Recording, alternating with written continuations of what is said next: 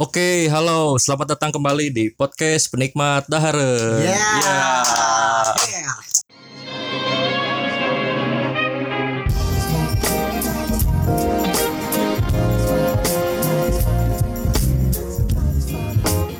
Kembali bersama saya Yosef Muhammad Firdaus. Dan saya Gali. Oke. Kali ini kita kembali di sesi diskusi. Hari ini kita diskusi tentang ciri-ciri tempat makanan yang menggunakan penglaris. Waduh. Temanya lumayan nih. Ya, lumayan lumayan seru. seru. Seru buat dibahas. Ya, jadi mungkin teman-teman buat yang belum tahu eh, tempat makanan yang penglaris itu kayak kayak gimana sih? Ya kalau kalian pernah dengar dulu ada beberapa tempat makan yang kalau datang ke sana tuh agak aneh gitu. Eh, banyak rumor-rumor mitos-mitos yang kurang inilah ya Lia. Kurang mengenakan. Ya, kurang mengenakan. Nah, Banyak. Hari ini kita akan bahas beberapa ciri-ciri tempat yang tempat makanan yang menggunakan penglaris. Mungkin yang pertama biasanya sih kalau mana sendiri pernah kali buat tempat penglaris eh em, tempat penglaris lagi Eh, makan di tempat yang yang ini gitu yang Oh, yang paling desa gitu. Kalau nggak salah sih pernah dulu tuh. Tapi lupa detailnya di mana hmm, beli apa ya dulu tuh. Ngantri panjang, kalau nggak salah beli bakso, nggak tahu beli batagor gitu kalau nggak salah. Tepatnya tuh penuh banget ya kalau beli itu ngantri pisan. Nggak tahu apa ngantri gitu. Ya tadinya mau makan di tempat, cuman karena penuh itu ya kita beli dibungkus saja gitu. Nggak taunya pas dibawa ke rumah rasanya nggak nggak biasa-biasa aja terus cenderung hambar gitu hmm, katanya sih kalau makan di sana enak gitu tapi nggak tahu kenapa pas dibawa ke rumah kok rasanya aneh, aneh ya gitu Hmm. Nah jadi buat ciri-ciri pertama sih biasanya ini sih kalau kalau kata orang mah eh, mana pernah tahu ini lih? Tempat makan yang rame tapi pas kita makan ke sana tuh ya rasanya biasa aja gitu. Mhm, ada ada ada pernah pernah dengar. Nah dulu orang pernah nyoba jadi ada kupat tahu Hmm, Eh, tempatnya tuh di Padalarang. Eh iya ya di Padalarang. Jadi waktu itu dulu tuh sama keluarga lagi naik kereta gitu berhenti di sana kan lagi nyari tempat makan nemu di Padalarang. Dari luar tuh rame gitu.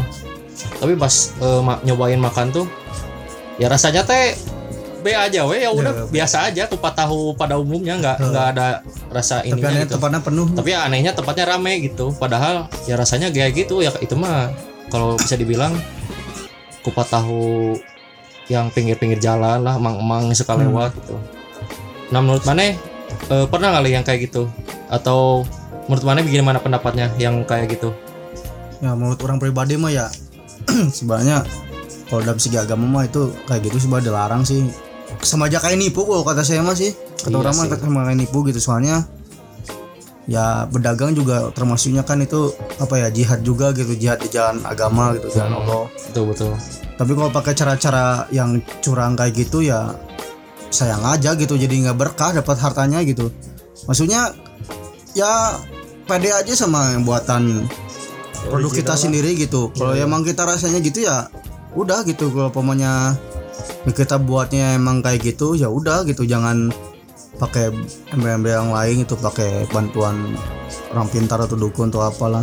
Soalnya ya sayang aja gitu. Maksudnya kan kalau dia di Islamnya mungkin jadi nggak berkah gitu sih hartanya. Meskipun kaya gitu meskipun nanti penghasilannya banyak atau gimana cuman ya jatuhnya bukan jadi jadi bukan halal sih takutnya jadi jatuhnya ke haram atau jadi nggak berkah gitu sih. Makanan itu sama si hasil bentuk pendapatannya gitu. Ya betul. Ya kalau menurut orang sih gimana ya?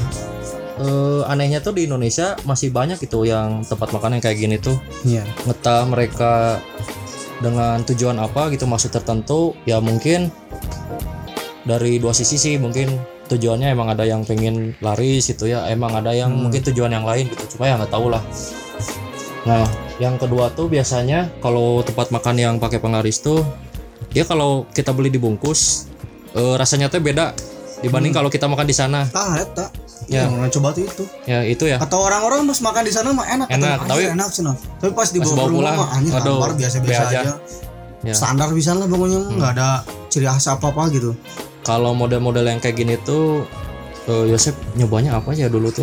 Wah adalah ya makanannya yang goreng-gorengan gitu. Jadi kan waktu temen beli di sana tuh ngantri rame Hmm. eh, makan di sana. Ya enak sih saya juga nyobain di sana enak. Tapi pas dibawa ke pulang ke rumah tuh rasanya tuh jauh banget sama yang waktu beli di sana. Ya tak aneh sekali. Aneh sih. Ya kalau biasanya sih kalau rest ya anggap aja lah ya kita beli restoran restoran junk food ya kalau bisa disebut merek lah ya restoran junk food makan di sana rasanya A makan di rumah ya A juga. Iya, nah itu gitu aja rasanya. ya minimal gitulah. Kalau ini makan eh, di sana ah makan di sana A di rumah. Bus rasanya beda. Be- beda beda banget. Entah ya kalau logikanya gitu kalau misalkan rasanya jadi misalkan ya kalau mie gitu jadi basi nggak mungkin. Nggak mungkin sih. Harusnya ya rasanya tetap ini ya Lia Hmm. maksudnya kalau pemainnya dibuatnya murni mah mau dibungkus atau mau kayak gimana juga mungkin rasanya ya ya gitu harusnya mah gitu. Kalau Hmm. dia pakai bumbunya yang bumbunya kayak gitu ya dibawa Ya udah, rumah juga gitu. harusnya kayak gitu rasanya gitu. Ya bukan jadi aneh beda kayak gitu gitu harusnya mah sih. Ya cuman anehnya tuh si makanannya padahal bukan makanan yang cepat basi gitu tapi pas dibungkus ya jadi nggak enak pas dibawa ke rumah tuh. Ya agak aneh sih. Nah kan iya itu. kata orang-orang ya kayak gitu. Konon ya makanan yang kayak kayak gitu tuh ya itu pakai penglaris Hmm. itu ciri-ciri ciri-ciri utamanya gitu. Terus yang ketiga ada eh, biasanya sih kalau tempat makan yang pakai penglaris tuh dapurnya tersembunyi nah Katanya. iya iya iya. Ah orang ke- pernah ngeliat, ngeliat kayak gitu. Pernah beli apa lupa lah pokoknya. Soalnya orang nggak udah jarang jarang dapat kayak gitu sih. Cuma pernah lihat gitu tukang dagang apa lupa pokoknya detailnya. Pas saya lihat ya lihat-lihat gitu lihat-lihat dekorasi atau tempat-tempatnya. Yang anehnya tuh kenapa dapurnya tuh terpisah sama ruangan lain gitu ada ruangan khusus kayak tirai gitu. Ya ya cuman ya mungkin ya nggak semua juga sih nggak nggak Ya. semua dapur tersembunyi itu ada maksud tujuannya ke arah situ ke Hmm, yang cuman penglaris ya- itu cuman ya agak aneh juga agak aneh soalnya ada yang tersembunyi kayak ada yang disembunyiin gitu ya. iya dan disembunyiin. Ya kalau ini sih nggak semua lah ya.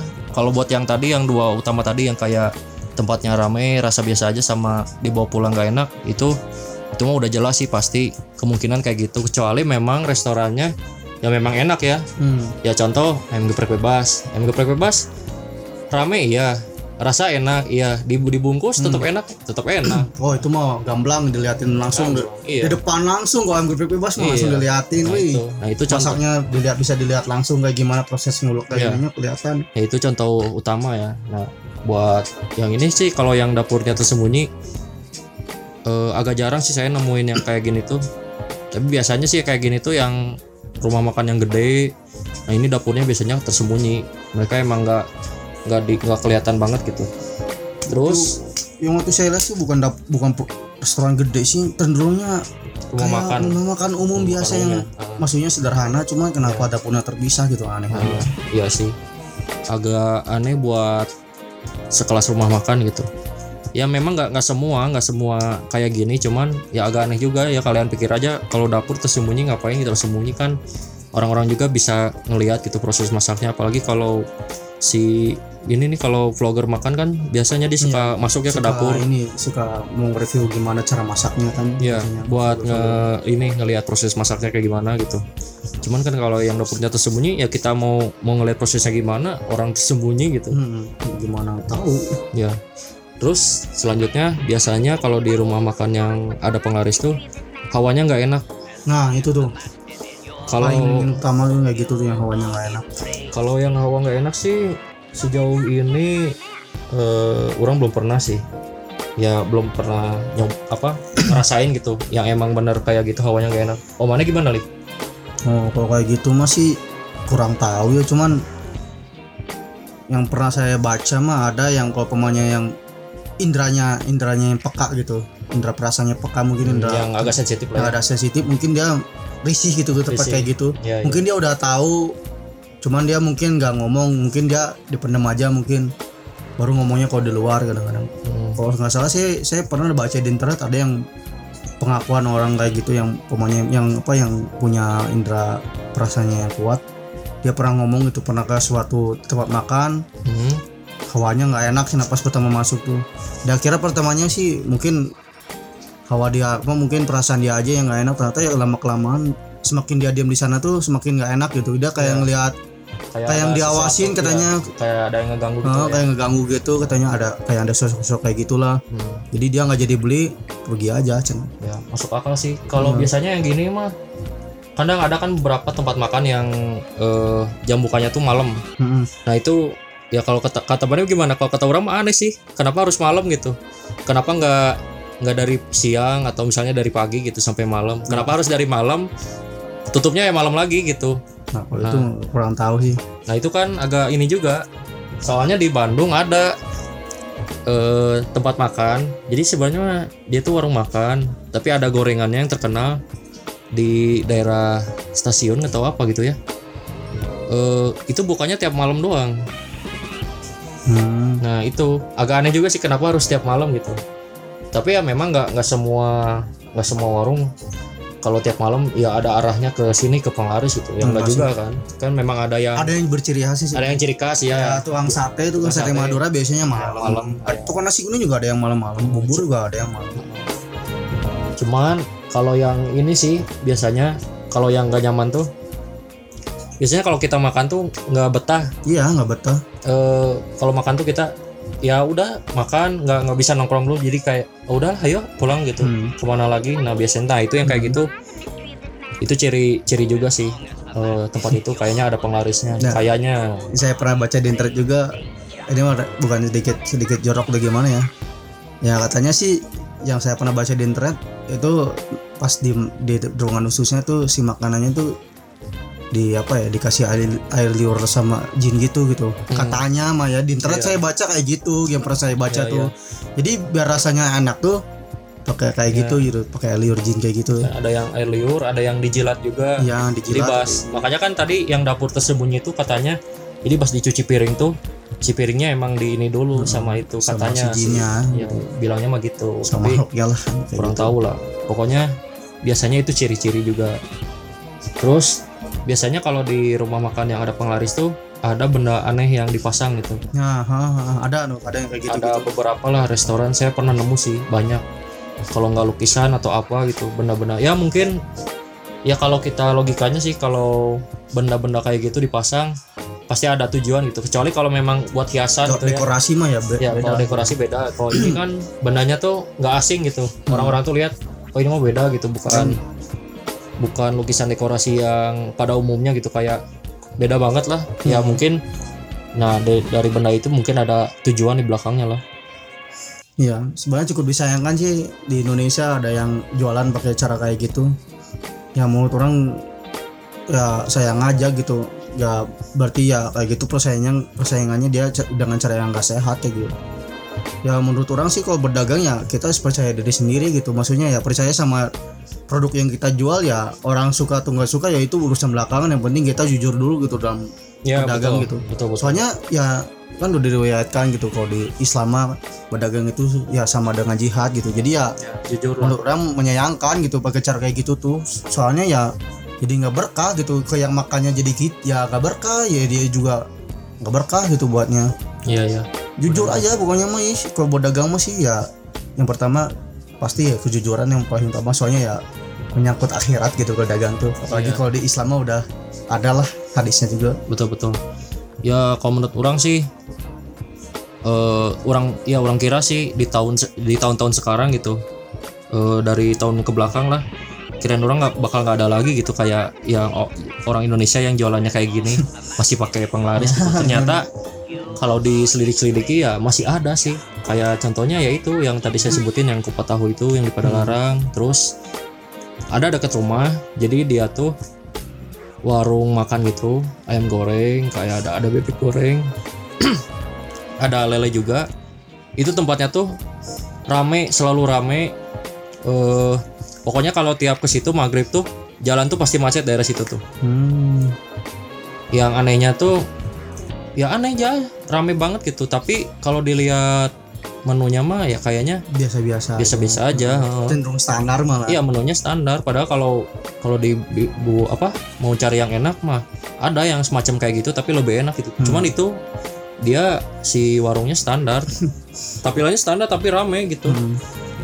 ya itu cuman cuman firasat saya aja gitu. Tapi kan bisa aja ya itu kayak gitu. Soalnya kan di Indonesia masih banyak terutama buat di Jawa Tengah Ya, karena Indonesia mah emang masih gimana ya, masih kental banget dengan adat adat ke apa ya, adat turun menurun adat ya yang nenek moyang tuh masih ada gitu yang berbau-bau mistis tuh di Indonesia mah emang masih hal yang ya bukan hal yang tabu ya masih maksudnya masih sampai Masih. zaman sekarang juga orang-orang masih percaya hal-hal kayak gituan gitu. ya betul Mungkin kalau orang-orang di negara maju pak mungkin nggak udah nggak kayak gitu tuh udah nggak hal yang bullshit gitu. Mungkin kalau di Indonesia mah masih ada yang percaya gitu. Hmm. Tahil-tahil kayak gitu. ya kayak pamali lah yang kayak gitu itu, oh ya. udah nggak aneh lah di Indonesia Ya, itu turun menurun sih sebenarnya sih Oh. budaya yang masih belum hilang sampai sekarang. Iya, termasuk di makanan ini gitu. Ya, yang makanan apalagi gitu. Sekarang menambahnya ke makanan. Makanan. Sebenarnya segala juga masih kayak gitu kok. Skala masih kayak gitu kalau di Indonesia. Iya. Cuman yang yang pakai penglaris ini anehnya tuh masih banyak, Hmm. terutama di rumah makan yang terkenal gitu besar ternyata oh kayak pakai ini gitu. Ya mungkin gua punya bab kata orang penyebabnya kenapa kayak gitu mungkin dia yang ya mungkin dia merasa udah frustasi atau gimana mungkin dia pingin pingin kayak mendadak gitu mungkin pingin kayak cepet gitu Iya. tapi jadi pakai usahanya usaha yang cara dengan cara yang ilegal gitu yang curang gitu bukan cara jujur bukannya cara yang ikhtiar gitu dia berusaha gitu berusaha terus gitu jujur gitu jualan dengan apa adanya yang menu kayak gitu. Tapi dia ya mungkin karena orangnya udah buta mungkin buta sama harta kayak gimana mungkin dia pingin Menghalalkan segala cara. ya kayak pingin kayak instan jadi ya dia pakai cara kayak gitu. Ya, susah juga sih kalau yang gitu. disayangkan sih menurut saya. Ya bukan mikirnya mah dampak ke depannya Hmm. resiko terbesar kayak gitu tuh apa? Kalau udah ketahuannya itu udah habis kalau ketahuan itu. Bahkan kalau sampai semua orang udah tahu bahwa si rumah makan ini tuh pakai penglaris kayak gitu, oh udah ya secara reputasi nanti dia bakal turun gitu. udah ya itu lebih beresiko gitu ya menurut saya juga kan dari awal juga kalau berdagang main jujur aja gitu Iya. Bahkan yang jujur aja reputasinya lumayan dipertaruhin gitu kan ya. Yang jujur aja susah gitu, apalagi yang kayak gitu.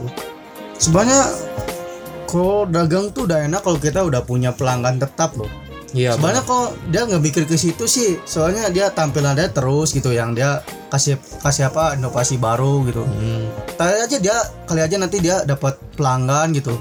Sebenarnya kalau kata saya pribadi tolak ukur mana berdagang kalau berhasil tuh kalau udah punya pelanggan tetap gitu. Jadi orang Iya. itu udah udah percaya sama mana gitu. Ya. Orang itu minimal udah tahu ciri khas nah udah tahu ciri khas gitu. Jadi setiap apa apa belinya ya ke mana terus gitu. Itu berarti ciri khas ciri yang ciri mana berarti berhasil gitu dalam berdagang gitu Ya, dan eh, mau berinovasi si rumah Iya. makannya. Ya minimal jangan menu baru lah misalkan menu ini eh, dulu rasanya nggak enak misalnya dirubah lagi di, di apa direvisi resepnya gitu. bahasanya mah di eksperimen lah gitu Iya. jadi dicoba-coba gitu. Coba-coba lagi. Nah, itu setidaknya usaha yang paling ini gitu. Hmm. Dan ada satu lagi Pak. Biasanya kalau ini kalau kita makannya pakai doa, kan suka ada tuh yang kita makan ke tempat makan tuh Oh, lupa, iya. lupa doa gini. Ah, Makan aja gitu nikmat. Tapi ada gini eh, biasanya kalau pengen tahu gitu. Ini mah kayaknya paling ampuh kalau kita makan eh, niat pakai doa, hmm. nanti pas makan rasanya jadi nggak enak. Tapi kalau nggak doa kita eh, nggak enak. Eh kalau nggak doa enak. Oh iya iya iya ya, saya pernah baca di internet itu loh. Ya kata ya kata katanya katanya gitu ya. Jadi kalau pamannya mau lebih tahu cepet ceritanya ya gitu. Kalian sebelum makan makanan itu, Ya. mau minum itu gitu, baca doa dulu Baca gitu. doa ya wajib lah ya baca Iya, doa mah. Masa nggak baca doa? Terus kalian coba aja gitu. Katanya sih kalau pamannya manjur itu biasanya langsung kerasa, tuh, Kerasa. langsung oh ini kerasanya enak. aneh. Heeh, nggak enak. Patut dicurigai kalau pamannya maneh makan sama teman maneh gitu. Hmm. Maneh baca doa tapi teman maneh mungkin lupa gitu. Hmm. kata teman mana mah enak gitu wah ini enak loh terus kata mana kok aneh rasanya berarti dicurigai kalau kata mana ini nggak enak tapi kata teman mana enak berarti ya mungkin teman mana nggak baca doa Ya. mungkin Ya mungkin. tapi orang belum pernah nyoba ya tapi Iya. katanya sih orang juga belum pernah nyoba orang gitu. belum sih cuman kalau kalian misalkan ya kalian pengen tahu gitu eh, ciri-ciri dari yang rumah kayak penglaris gini ya itu simpelnya kayak gitu. Misalkan teman kalian nggak lupa nggak doa coba kalian tanyain rasanya gimana. Nah kalian coba berdoa. Hmm. ya wajib lah berdoa masa nggak berdoa gitu makan. Kalian berdoa makan. Cobain rasanya kalau misalkan nggak enak. Nah berarti itu makanan ya itulah ya gitulah. ciri ciri-ciri yang rumah makan ada penglarisnya ini. Hmm. kalau teman kalian yang bilang enak nah itu udah udah ketahuan itu. Jelas sih. Ya itu simpel sih kayak gitu. Ya kalau kata orang sih mungkin buat ke depannya ya jangan adalah rumah makan kayak gini gitu. Kasihan juga buat si pelanggannya terutama buat yang dia emang hobi misalkan dia suka ayam goreng apa gitu. Eh ternyata tempatnya kayak gitu jadi nggak ini juga jadi nggak mood juga gitu makannya. Ya orang mah ini mah saran aja gitu bu. Ya mau pemanya mau nanti ya yang mau denger yang pemanya denger podcast ini kalian udah ada kepikiran pengen buat usaha kuliner ya itu jangan pakai kayak gituan lah. Ya, jujur aja gitu. Jujur lah. Sebenarnya baik. berdagang mah yang paling utama tuh promosinya gitu. Kalian gimana cara kalian mempromosikan produk kalian dengan apik pasti orang juga pasti tertarik gitu. Ya betul. Sebenarnya nggak beda jauh sama industri-industri musik juga gitu. Pokoknya kalian pakai package packagingnya bagus gitu.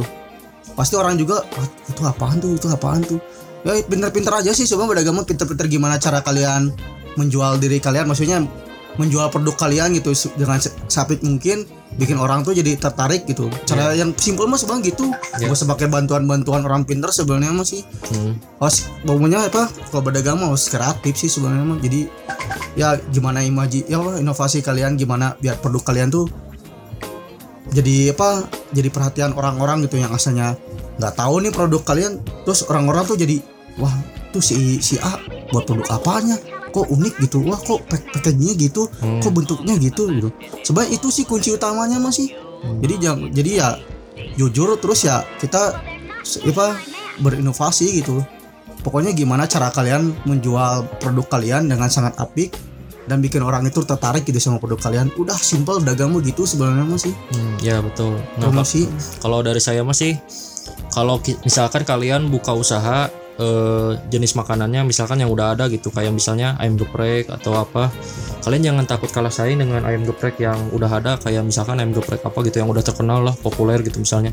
Kalian jangan takut karena ya kalian ka- kalau kalian tahu lah setiap orang rezekinya udah ditentuin Mm-mm. gitu. Nah itu. Udah udah ada kadarnya lah kalian bakal gimana nanti Mm. pendapatan kalian. Jadi nggak usah takut. Terus kalau misalkan kalian yang emang baru banget ide makanannya belum ada atau minumannya belum ada. Ya kalian sekreatif mungkin seoriginal mungkin terus marketingnya di ini lagi lah ditingkati lagi. Hmm. jangan pakai cara yang pakai penglaris gitu. Mm. yang nggak baik juga haram juga ngapain gitu. Musrik kan? Mm. percaya yang kayak gitu. Kalian percayanya ke kalian yang agamanya masing-masing percayanya itu dan. Usaha kalian. Hmm, ikhtiar aja udah pertama ya, ikhtiar betul. berusaha aja dulu. Emang emang kalau buat usaha sih pertamanya emang kayak emang nggak enak sih. Awal-awal juga pasti pahit dulu ngasanya Hmm, yang mereka mereka juga yang bisnis kuliner juga awalnya pasti mereka banyak kegagalan dulu kok pernah bertanya. Ya. Buat usaha ini gagal ini gagal. Emang emang usaha sih kayak gitu. Ja- jarang gitu yang sekali jadi langsung wah melejit besar tuh. Jarang pasti butuh proses bertahun-tahun atau ya mungkin dia berganti-ganti tema gitu atau gimana ya intinya mah ya harus jujur terus berikhtiar terus gitu berinovasi dan terus ya menjual produk kalian dengan se- yang dengan seasli mungkin gitu seoriginal mungkin. Ya betul betul. Ya mungkin buat buat saya sih harapannya ke depannya jangan sampai ada rumah makan yang kayak gini lagi ya Lia. Nah, sayangnya sayang banget sih eh, kenapa gitu harus pakai penglaris gitu. Kan ya buat pelanggannya lah nggak enak gitu. Mm. Bukan buat pelanggannya juga sih buat si pemilik usahanya juga. Nanti kaliannya jadi bumerang gitu. Bumerangnya apa? Nanti ketika beberapa waktu kalian bangkrut ya jangan salahin siapa-siapa ya. Itu salah kalian sendiri. Pakai yang kayak cara kayak gitu. Orang cara kayak gitu nggak nggak ampuh selamanya gitu. Iya tuh. Karma is real tuh. Iya. bisa aja pick comeback itu langsung ah. Iya. Tahu-tahu dibalikin keadaannya ya udah mampus kok kayak gitu. Iya. Walaupun memang kalian tuh merasa oh usaha saya nggak laku gitu Eh, tempat makan saya nggak laku janganlah jangan kayak gitu mending jujur aja gitu Mm. Ya oke, sekian mungkin untuk diskusi podcast kali ini. Ya ini diskusi terberat kita ya, iya bahas hal-hal tabu nih. Eh, baru sekarang nih ngebahas Ya, kayak gini ya sekarang. Ya sebenarnya tadinya mau review makanan, cuman karena makanannya belum ada tadi tuh, jadi kita diskusi dulu. Ya mungkin hari Senin ya Lia, kita mulai ini lagi. ya bisa bisa Ya itu sih. mungkin buat diskusi kali ini kita udahi dulu. Hmm. Kalau ada kritik dan saran silakan kirim ke penikmat gmail.com. Jangan lupa follow sosial media podcast penikmat Taharen di @penikmataharen. Lalu sosial media saya ada Yosef Muhammad F dan ada Galiseto. Ya, Ya sekian untuk episode kali ini. Semoga bermanfaat dan menambah ilmu kalian di dunia kuliner. Terima kasih. Wassalamualaikum warahmatullahi wabarakatuh. See you next time.